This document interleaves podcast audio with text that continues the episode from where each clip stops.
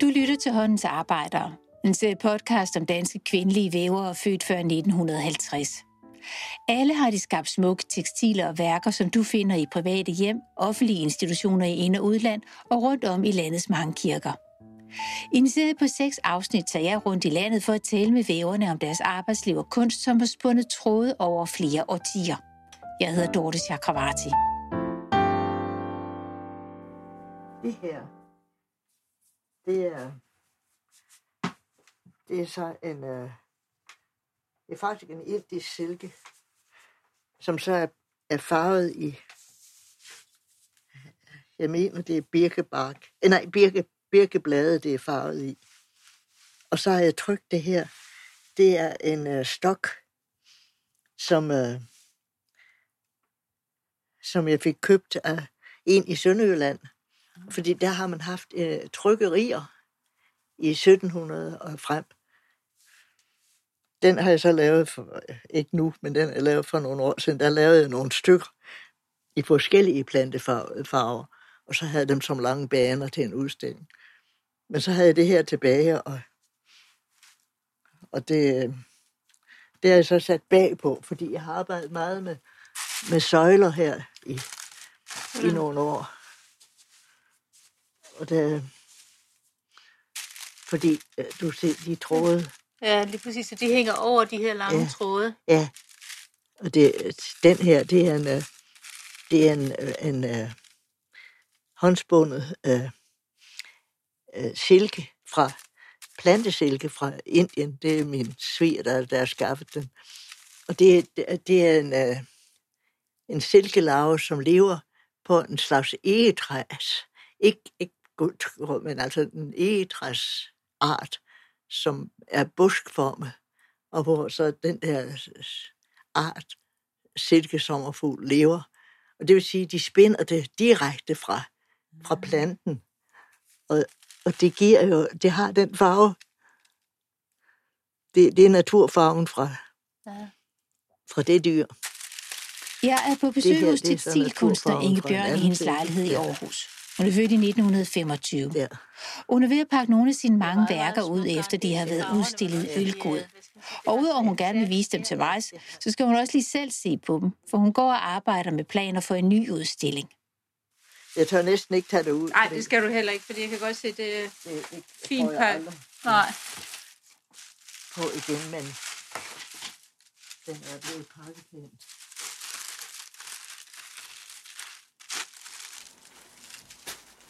Men det her, det ses så igen, så giver det skygger ned og ud på væggen. Så det er altså, det, det er lidt, det er lidt uh, smukt, at det er på den måde. Vævede billedtæpper, tekstile søjler, plantefarver og naturmaterialer er fire ord, der dækker Inge Bjørns arbejde. Men det er langt fra nok til at beskrive alt det, hun har lavet, siden hun voksede op i Himmerland. Hun har været cyklende sygelærer. Hun har været elev og arbejdet på højskoler i Danmark og Norden. Det er blevet til 40 år som tekstillærer på Asgaard Højskole. Hun arbejder sammen med Asger Jorden, og hun har skrevet en bog, der næsten er en bibel for alle, der interesserer sig for tekstilarbejde og historie. Den hedder Oldtidsdragt, nutidstøj. Men så er der jo selvfølgelig alle udstillingerne og de mange værker, hun har lavet til sygehuse, skoler og institutioner rundt om i landet. Inge Bjørn er fuld af historier, og hun er godt selskab. Så lad historien rulle sig ud og finde vej tilbage til 1920'erne og en barndom, der ikke minder om noget, vi kender i dag. Folk siger, at når du så ud, så langt ude på landet, fordi det var langt ude på landet. Altså, det, det lå højt, og vi kunne se syv kirker så, i Himmerland, og fantastisk landskab. Og, og mor havde en fætter, der faktisk var kir- malet i kirkemaler. Mm. Og, men aldrig havde, jeg- jeg havde aldrig forestillet mig, at, at uh, det skulle blive min levevej. Og jeg var ikke specielt dygtig til håndarbejdet. Altså, jeg fik strikket og hæklet og syet de ting, jeg skulle, ikke? Altså, det var ikke specielt. Jeg ville have været børneskolelærer. Det var helt fra, jeg var lille bitte, der ville jeg det. Fordi vi havde en lærerinde, som var så, altså virkelig fantastisk. Fordi jeg var syg i lang tid. Det, der var mange på den tid, som døde af den kvægtuberkulose, som, mm. som angreb børn. Jeg havde ikke tuberkulose, men jeg havde et anlæg. Altså, jeg gik til kontrol, og jeg lå i sengen, for det var før penicillin. Mm. Så der kom hun så med uh, lektiebøgerne? Og, og tog det, jeg havde lavet med hjem. Og der synes jeg, at det der at kunne være så god, ikke? Altså det, det vil jeg nu gerne. Ikke? Altså det, når man er syg og ikke så gammel, så vil man jo gerne være sikker på, at man gør det rigtigt. Men det, det, det stod for mig, det ville jeg gerne. Men altså, mine yngre søstre, de mente ikke, at jeg egnede mig. og det... Så altså, det... Øh, men ja, vi har altid tegnet meget. Og vi havde en, en morbror, der var skibsbygger, og han gav os blyanter og alt muligt papir og sådan nogle ting. Så vi har tegnet meget. Og vi har skåret roer ud til verdens ting. Og, altså, vi havde ikke meget legetøj, det havde vi ikke. Men vi lavede det jo selv. Så tror jeg, du beskriver meget fint i, i bogen her, Oldtidstøjet, hvordan, jeg tror, det, det er kapitlet omkring farver. Ja. Det at opleve Ja. naturen Ja. og lyset skiften. Ja. Har du fået det, det med dig? Ja, det har jeg, for min mor sagde, det, det var det jo hende, der så havde det rundt om huset, ikke? Altså også landbruget rundt om huset, men ikke det, som far brugte til sin kreatur og opfedning og så videre. Det havde hun ikke noget med at gøre. Det var der andre, der tog sig af. Men hun sagde altid, man må aldrig have mere travlt, end man har. At man retter ryggen og ser, når solen står op, og også når den går ned, så skal man rette ryggen. Det er meget fint. Det er det. Så det har jeg fået med hjemmefra. Og så som sagt, så lå det højt, så man kunne virkelig ikke undgå at blive påvirket af natur. Det kunne man ikke. Så det har jeg været fra. Og det har vi alle sammen. Vi er fem søstre. Inge Bjørns lejlighed er fuld af ting. Hendes egen værker står klar til udstillinger. Der er fotografier taget af fotografen Gerard Franceschi, som hun levede sammen med i en række år i 1960'erne og 1970'erne. Hendes væv står pakket sammen og tjener som stumtjener for mit overtøj, og der er stakke af bøger og ting, der ligger på borde, sofaer og stole. Man er ikke i tvivl om, at man er i selskab med en historiefortæller, hvis fortælling dækker et langt tidsspænd, går over mange steder og indeholder dyb respekt for gammel bondekultur og et imponerende persongalleri farvet af slægt og venner. Og jeg kan lige så godt indrømme det. Jeg kom hjem med næsten tre timers interview med Inge Bjørn.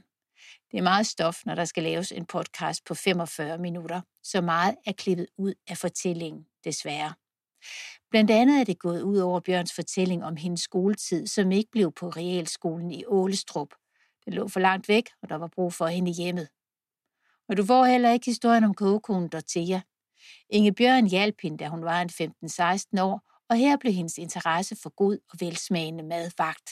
Og du kan også klippe alle de mange historier om en opvækst præget af landboliv, natur og håndens arbejde fra morgen til aften. I stedet for går vi nu ind i 1940'erne, hvor Inge Bjørn begyndte på et treårigt forløb for unge piger, hvor de kunne komme ud i hjem og være under oplæring af husmoren, samtidig med at de skulle tage kurser i husholdning og håndarbejde. Første år var Inge Bjørn hjemme hos sin mor. Næste år 11 km væk fra hjemmet, og tredje år var hun på en gård på Vejleegnen. Syre havde hun lært hjemmefra, og det var nyttig viden, for hun var med, når egens kvinder mødtes for at sy tøj i en tid med varemangel og rationering. Og derefter gik turen videre til et nyt sted på Jyllandskortet. Så var der nogle måneder, hvor øh, Anne Geilund, som havde en privatskole, øh, tilskærskole i øh, Hammel, og hun havde brug for at have en til at hjælpe sig. Og så kunne jeg blive elev der. Og det var, det var jeg så i nogle måneder.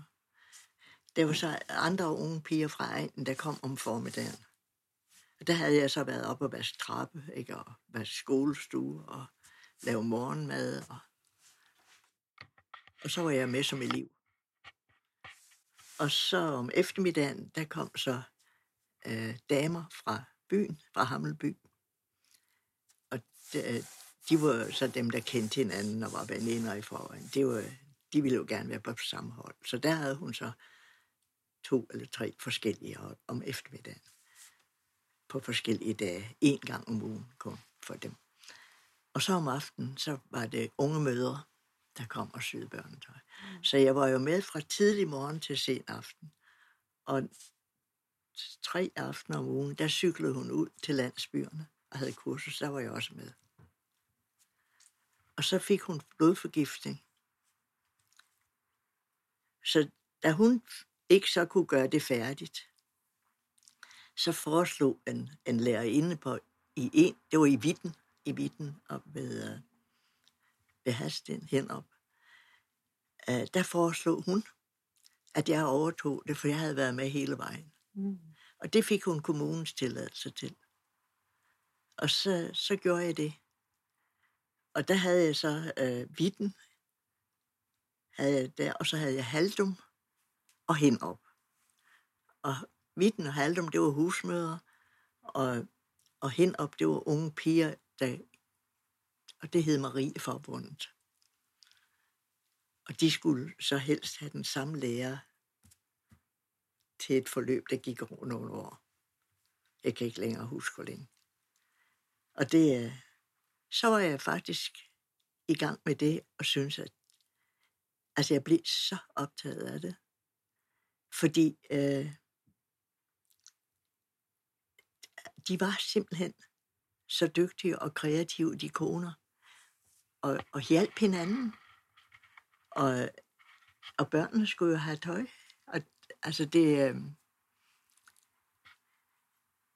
jeg er så ked af, at jeg ikke har det eneste billede fra den tid, fordi øh, der, der var jo virkelig ikke, altså der var jo nogen, der havde noget på kistebunden. Eller det var der temmelig mange, der havde. Mm. Og det kom jo så frem lidt efter lidt. Men, men ellers var det jo det tøj, som, som ikke var mest slidt. Altså en mands bukser, ikke altså, som var slidt på knæene og ned for neden det kunne måske bruges for oven til et par drengebukser, ikke? Og på den måde. Og pigernes der. Og så hæklede og strikkede de af tråde, som de trak ud. Og, og broderede. Og det gjorde så, at jeg samlede alle de stumper, der ikke kunne blive til noget. Det samlede jeg i en, en cykeltaske. Jeg cyklede rundt. Og der kunne så folk bruge det fra de forskellige steder. Ikke? Og det gjorde de, og de var simpelthen bare dygtige til at, at lave rigtig fine ting. Det, jeg er ked af, at jeg ikke har det eneste billede. Så altså man brugte alt, hvad man havde, simpelthen. og købte meget lidt. Ja. Og det, og det, det står for mig som noget smukt, altså. Ja. Det, de lavede. Ja. Mange af dem. Ikke alle, selvfølgelig. Men, men hovedsageligt. Og, og der var nogen, som så kunne sy biser, ikke altså, eller med hånd, ikke altså, det altså også brodere ind. Altså, der, der var, de var så kreative. Så du kunne hjælpe dem, og du kunne også lære noget af dem? Jeg lærte rigtig meget. Og så kom, blev det jo ganske tydeligt i løbet af en vinter, hvor jeg ikke kunne. og det tog jeg så uddannelse i om sommeren. En af de ting, der fascinerer ved Ingebjørns fortælling om hendes unge liv, er mængden af arbejde, som altså i perioder blev afløst af skoleophold, hvor hun lærte nyt. Og så er der hendes mange cykelture rundt mellem de jyske gårde, hvor hun arbejdede. Det er et helt andet arbejdsliv end noget, man kan forestille sig i dag. Men hun lærte en masse og blev hele tiden bragt videre. For uanset hvor Ingebjørn har arbejdet eller været på skole, så er den røde tråd hele tiden personer, hun har mødt og som har været med til at forme hendes liv og arbejde. Og Anne Geilund havde en veninde, hun havde været på, øh, på, på rejse med i Sverige. Og hun var svensker og gift med rektor for Steneby Yrkes- og Kunstskole. Og på grund af Anne Geilunds venskab med Solvej Berglund, så kom jeg derop. Det var også en øjenåbner, helt utrolig. Og det var altså, mens jeg så havde vinterarbejde i Silkeborg. Så var jeg så deroppe om sommeren og lære. Det er en hel by. Uh, altså egentlig, øh, egentlig var selve det uddannelsesforløb, som var, det var todelt. Der var nogen, som, som skulle være ergoterapeuter. De havde et forløb. Og så var det handicappede mennesker, som kunne vælge et fag, som de kunne lide, og som de så uddannede sig i. Og måske fandt de et andet fag, som de hellere ville. Så der var fuld af små værksteder i den lille by, med handicappede mestre. Og, og de var dygtige. Der lærte jeg så pilefletter, halmarbejde. Det, så du var i alle værkstederne? Det var ikke kun tekstil? Nej, jeg, jamen jeg kom hver sommer ja. i nogle år. Okay. Fordi det, der kunne jeg også bestille, altså jeg kunne øh, undvise i snitmønstertegning og så videre. Så, og så traf jeg med meget søde mennesker der. I Sverige både lærte og underviste Inge Bjørn, og hun begyndte så småt at væve mindre billedtæpper. I 1952 blev hun elev et helt andet sted, som også kom til at betyde meget for hende, nemlig Askov Højskole. Her underviste Lotte Rud i håndarbejde. Og hendes betydning for højskolemiljøet og håndarbejde skal vi ikke bruge meget tid på nu. Men jeg vil dog sige, at noget af det Rud gjorde, var at indsamle viden og materiale om gammel dansk husflid og håndarbejdstraditioner. Det brugte hun blandt andet i sin undervisning og som inspiration til sit og elevernes arbejde. Men tilbage til Inge Bjørn. For nok var hun elev på skolen, men hun havde jo masser af praktisk erfaring med håndens arbejde fra sine mange sygtimer sammen med de flittige husmødre.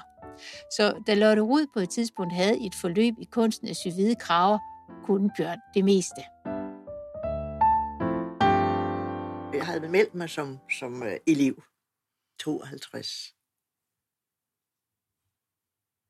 til november. Ikke? Der øh, kom jeg så til Asger, og der havde Lotte Rud og Bo Rud, de var blevet bedt om at oparbejde øh, Kateminde Husfridshøjskole. Og til en, altså så der kom i gang igen. Og det havde de sagt ja til, men det var en hemmelighed, så og så skulle Lotte Rud så have fundet en, altså en, som hun synes skulle have håndarbejde og vævning. Og der havde jeg været på Jebjerg Væveskole for at lære øh, gamle, øh, altså vævemønstre, salendragtens mønstre, vesten og sådan nogle ting. Og så det vidste hun jo. Og så vidste hun så også, at jeg kunne lave en, en krave, og hun vidste, at jeg kunne tegne. Og, og det vil sige, at så skulle hun jo have hun tog så sin skole, altså det kursus i skolen, tog hun så med til Katamien. Og det vil sige, at det, der så var brug for, var jo ikke en leder af en håndarbejdsuddannelse, men en ganske almindelig hånd, øh, håndarbejdslærer på en højskole. Og det var der jo rigtig mange, der var. Og, jeg turde faktisk ikke rigtigt, fordi Lotte Rud var meget dygtig. Men øh, så jeg, jeg, jeg var holdt så på, at jeg ville være elev, og så havde jeg nogle få kursus, altså få timer. Så var der min mening at blive en to-tre år, ja. og så blev det til før. Inge Bjørn blev hurtigt fastansat på Askov Højskole, og hun stoppede med at arbejde der i 1993. Hun siger det ikke selv, men læser man tekster skrevet af nogle af de hundredvis af elever, hun underviste igennem årene, er der ingen tvivl om, at hun var en lærer af den slags, der gør en forskel. Hun tog så godt og omsorgsfuld af sine elever, og hun løftede undervisningen i tekstil, plantefarvning, vævning og senere boligindretning til højder, der gør, at hendes 40 år på skolen betragtes som en epoke.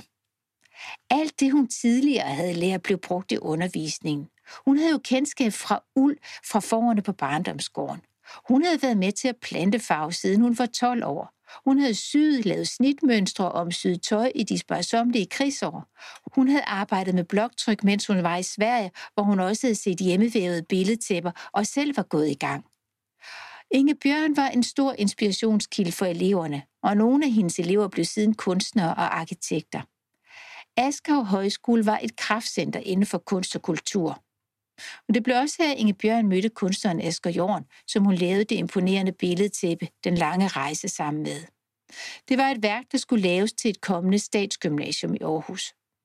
Spørger man, som jeg gjorde Inge Bjørn, hvad der sætte gang i det samarbejde, så har svaret mange begyndelser, og det rummer også mange historier og sidehistorier.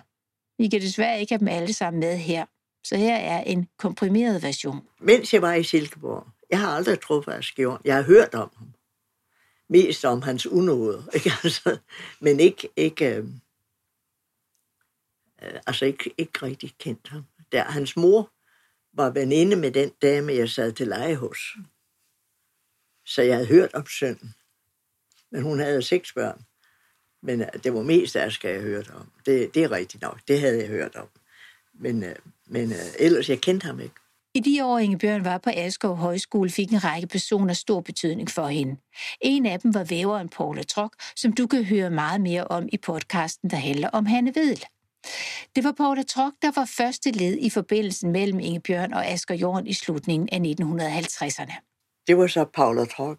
Hun sendte meget tit arkitekter over for at se, hvad jeg lavede. Dels med eleverne, men også hvad jeg lavede selv. Der havde jeg så min egen væv fordi øh, så jeg lavede jo noget selv også, og, og jeg havde set en udstilling, øh, allerede mens jeg var oppe i, i Stenby første år, der så jeg en udstilling med, med nogle af de der skånske tæpper, som man kaldte flandertæp, flandervævning. Og, og det var billedvæv på den der måde, som som, som jeg stadig bruger, men altså på forskellige vis. Altså jeg prøver at få det kædet sammen med andre muligheder. Altså, så billedet kan komme frem. Ikke? Det, det er ligesom det, det drejer sig om. Men der havde jeg jo set flere udstillinger. Mest, mest faktisk i Sverige. Og, så der, der, der havde jeg lavet mange små vævninger. Ikke store. Og jeg har aldrig lavet nogen efter andres tegning. Men øh, Paula Trok sendte, sendte så, når hun havde besøg af de der arkitekter, så sendte hun dem tit over. En af arkitekterne så, hvad Bjørn havde lavet. Der var vævet nederdele og små billedtæpper, og han blev begejstret. Så begejstret, at han sørgede for, at hendes arbejde kom med på en udstilling på Charlottenborg. Og her så Jorn Bjørns arbejde. Han blev også begejstret og så skrev han et brev til Bjørn i Askov. Men det tog jo ikke alvorligt, fordi øh, øh, det, det var det var meget spændende brev, kan jeg godt huske. Jeg har det ikke længere, men, øh, men jeg kan huske, at, øh, at det, det, det var sådan meget... Øh, så vidt jeg husker, så var det altså noget, men altså, at, nu, han, at at han var blevet bedt om, at den danske stat at lave dit og dat. Ikke? Inge Bjørn undersøgte sagen. Hun fandt ud af, at der var tale om at bygge et statsgymnasium i Aarhus, og der var slet ikke valgt en arkitekt endnu. Så Inge Bjørn afholdt sig fra at svare. Tiden gik, og så talte hun med keramikeren Erik Nyholm, der kendte Jorn ganske godt. Han anbefalede, at hun trods både usikkerhed og tvivl sagde ja til samarbejdet. Det var dog ikke uden en vis tøven. Der havde han jo været syg så i mellemtiden. Asger, og jeg havde jo set de der vældig voldsomme billeder. Jeg havde også set et enkelt af de mere poetiske, men ellers var de jo meget, altså ørnens ret, ikke? Og, altså bliver spi, en, et menneske bliver spist af en, en djævel, ikke? Og det er værre end en drage, ikke? Når det er et menneske, der spiser et andet menneske. Mm. Altså, det, altså, det, der, altså jeg, havde, jeg vil godt vide, hvad er det? Altså, hvad er tegningen? Altså, hvordan... Jeg havde aldrig lavet noget efter andres tegning. Og jeg havde aldrig lavet noget stort. Det her, det skulle være verdens største tæppe. Det havde han skrevet allerede der. Verdens største. Inge Bjørn var stadigvæk ikke sikker på, at hun og Jorden skulle arbejde sammen. Men hun ændrede holdning, da Jorden kom på besøg på Askov og begyndte at tale om sine idéer. Og selvom han ikke talte om vævning, så kunne Bjørn godt høre, at han var en spændende person med interessante idéer. Og så kom han igen. Der kan jeg så ikke huske, hvem han var kørende med, men der havde han Paola med. Altså som den italienske pige, som havde vævet for ham og Vemara. I nogle år endda. Og hun gik på en privat musikskole, men hun, havde, hun var uddannet i Aubusson mm. som væver. Og de, de havde to af de tæpper, hun havde lavet også med. Og da jeg så dem, så sagde jeg, det vil jeg gerne. Fordi det, den måde, det var lavet på, det var så poetisk. Altså, det var simpelthen så smukt. Jeg kunne godt se, hvordan det var gjort, men det var selve stemningen i hele tæppet. Altså, så det vil jeg meget gerne prøve. Og, men så skulle jeg høre lidt om, hvad økonomien var. Den slags taler man ikke om, så jeg skal, når det er kunst.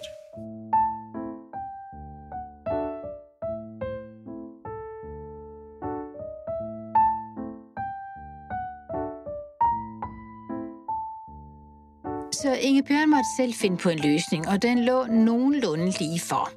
For en del af undervisningsåret på Askov blev brugt til at forberede kurser.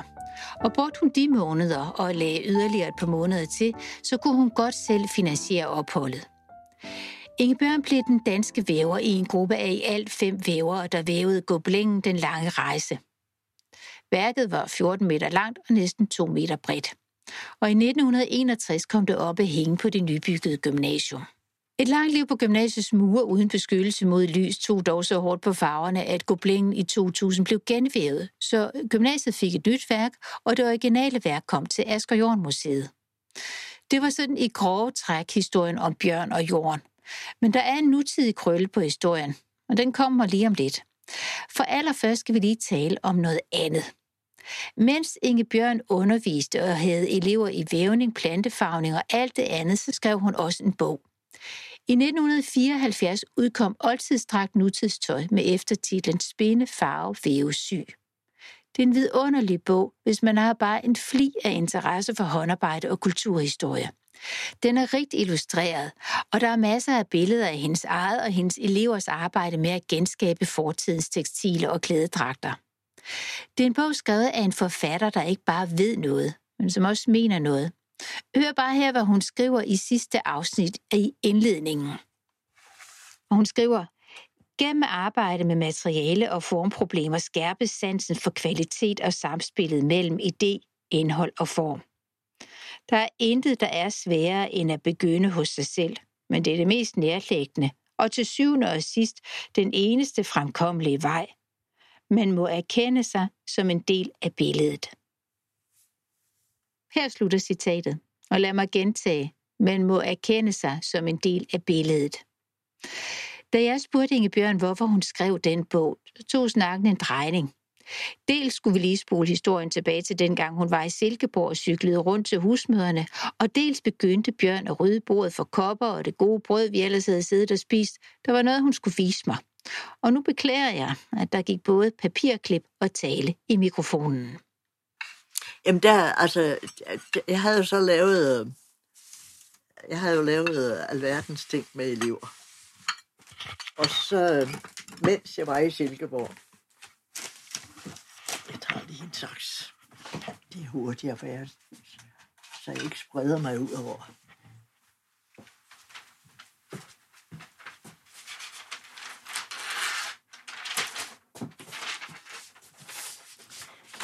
Altså, det, jeg har fortalt om, at, at de skulle have børnetøj ud af alt muligt forskelligt.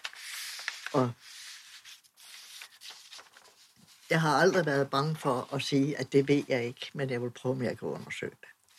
Og der var der så en, der kom med en øh, avishylde. Det havde man.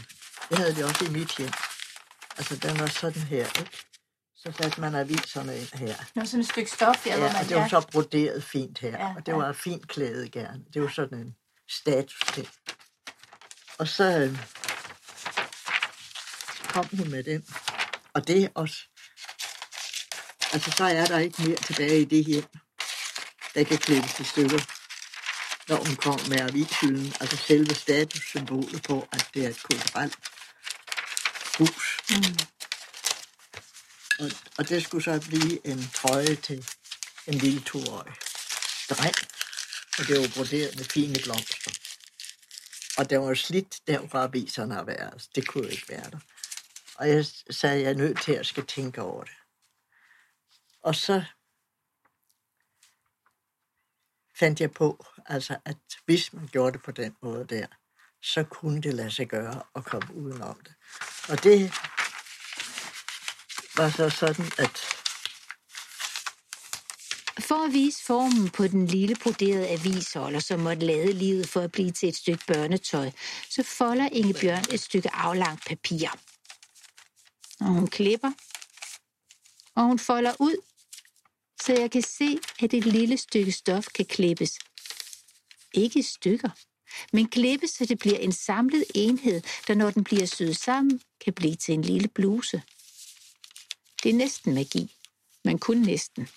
For mest af alt er det jo bare godt tænkt. Og så viste det sig for Inge Bjørn, at der faktisk var andre før hende, der havde benyttet den teknik. Fantastisk. Ja. Det er simpelthen så godt tænkt.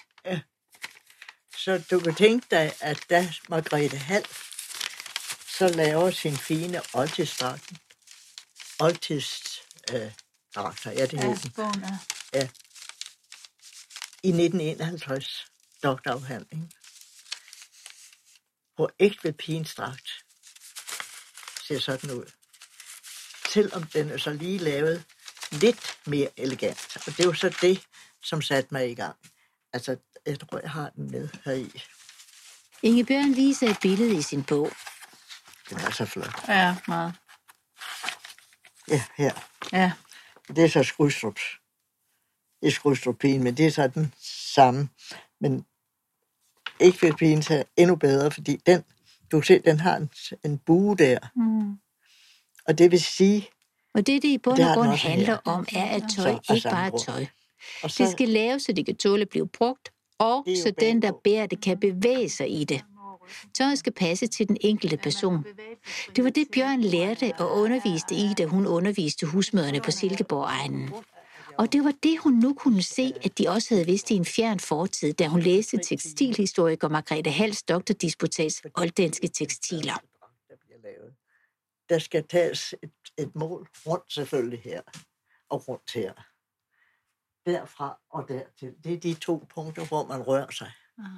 Ellers revner det. Og det har de vidst dengang for 3.000 år siden. Og derfor gjorde jeg meget ud af at arbejde med eleverne med måltal. Dem, der havde det stof. Ikke? Men, og så dem, der vævede, så kunne de jo væve det i fasong. Og det var der mange, der gjorde. Og, og, det, og, og dem, der så lavede med bloktrykker og, og vokspartik, ikke, og så videre, det var lige egnet, fordi der var en helt flade. Og det, det var så enkelt. Og det kunne blive lange, og det kunne blive korte, og det kunne blive dit og dat. Og så, så blev det til, at, at jamen, så begyndte vi at... Det var nu ikke min egen idé. Jeg har set den udstilling i Italien, faktisk, på Palais Grasso, med, øh, med øh, dragter fra forskellige tider. Og så stofferne var så på, kopieret. Og så var der arkitekturdetaljer fotograferet og sat op i stor størrelse på den samme udstilling. Og så var der musik fra den periode, som det drejede sig om. Det, øh, det gik jeg jo lige hjem til eleverne med. Altså. Og, og der, var, der var altid nogen, der var gode til at synge, og der var også nogen, der vidste lidt om musik. Og, og der var flere, der egnede, der også tænkte sig. Det er det der med at erkende sig som en del af billedet.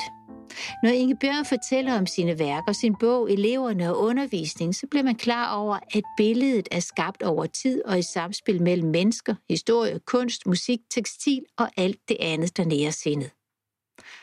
Og lad os så lige vende blikket mod 2021.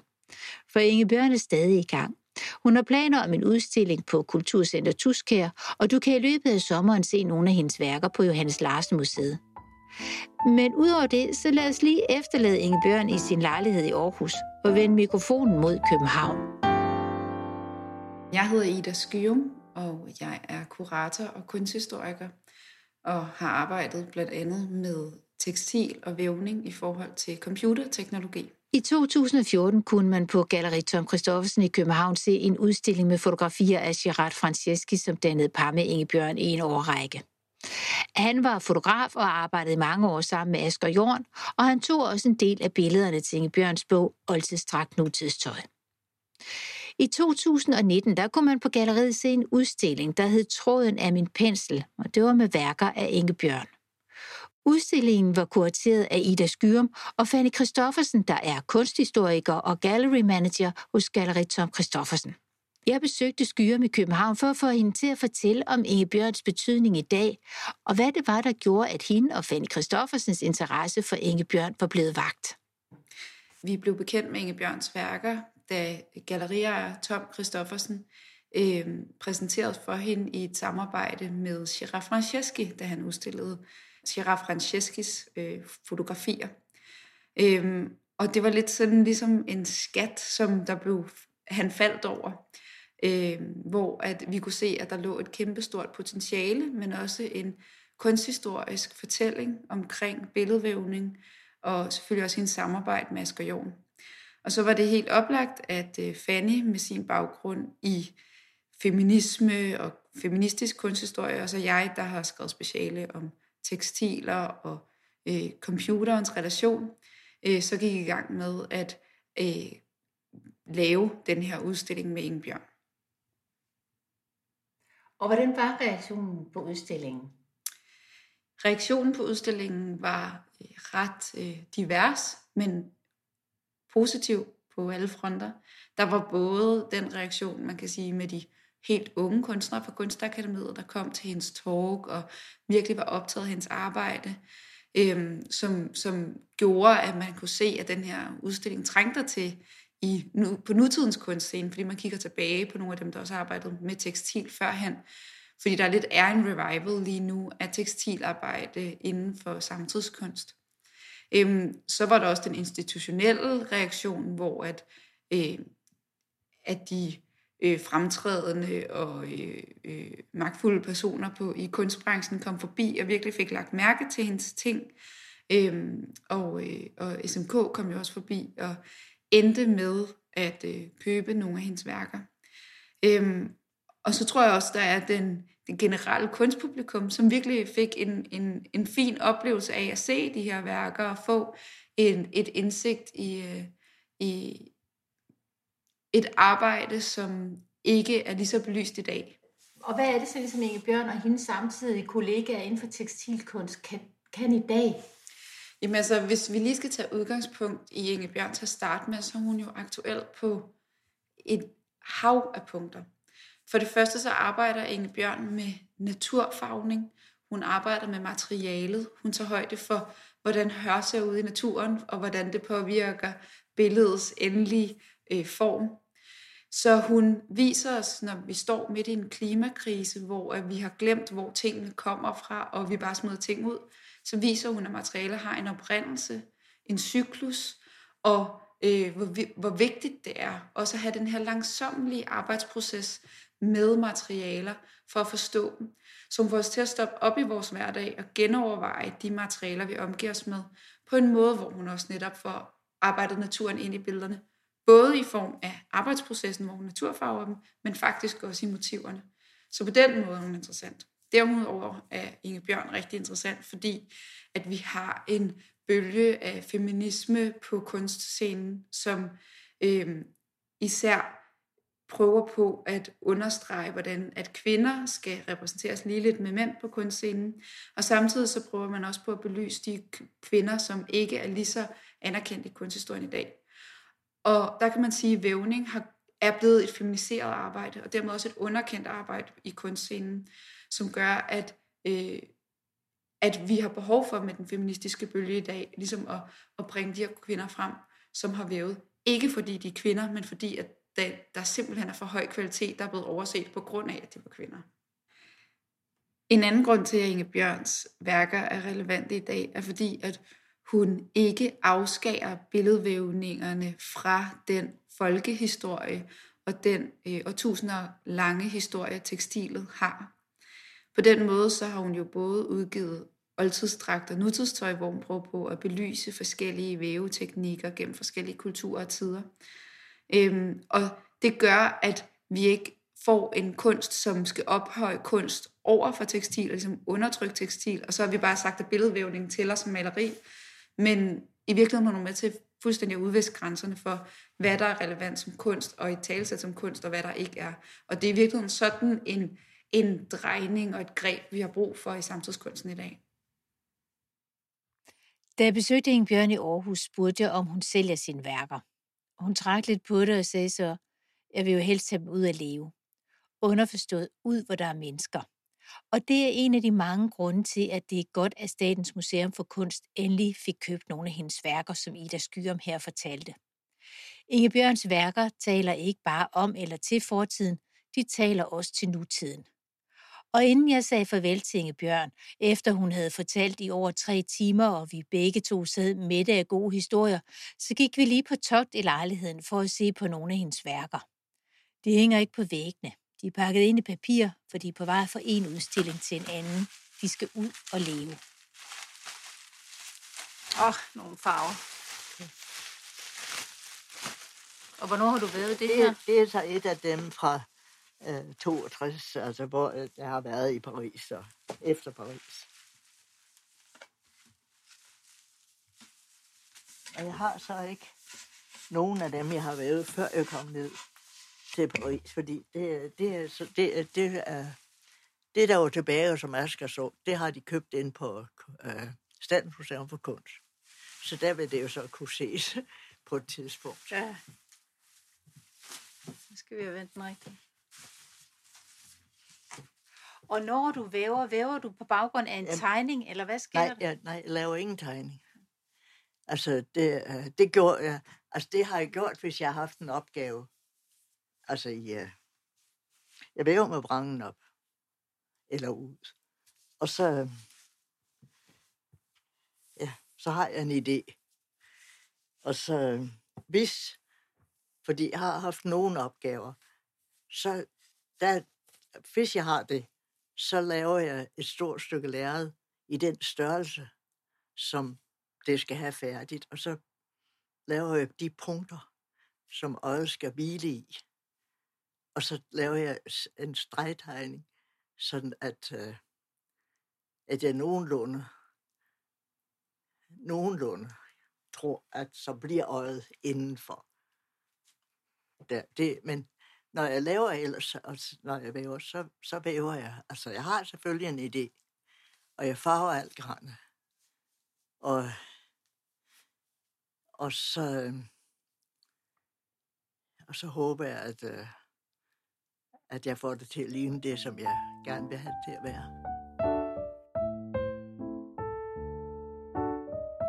Jeg hedder Dorte Chakravarti, og du har lyttet til en serie af podcast om danske kvindelige vævere født før 1950. Serien hedder Håndens Arbejdere og er støttet af Åge og Johanne Louis Hansen Fonden. Tak til Inge Bjørn og Ida Skyrum, som medvirkede.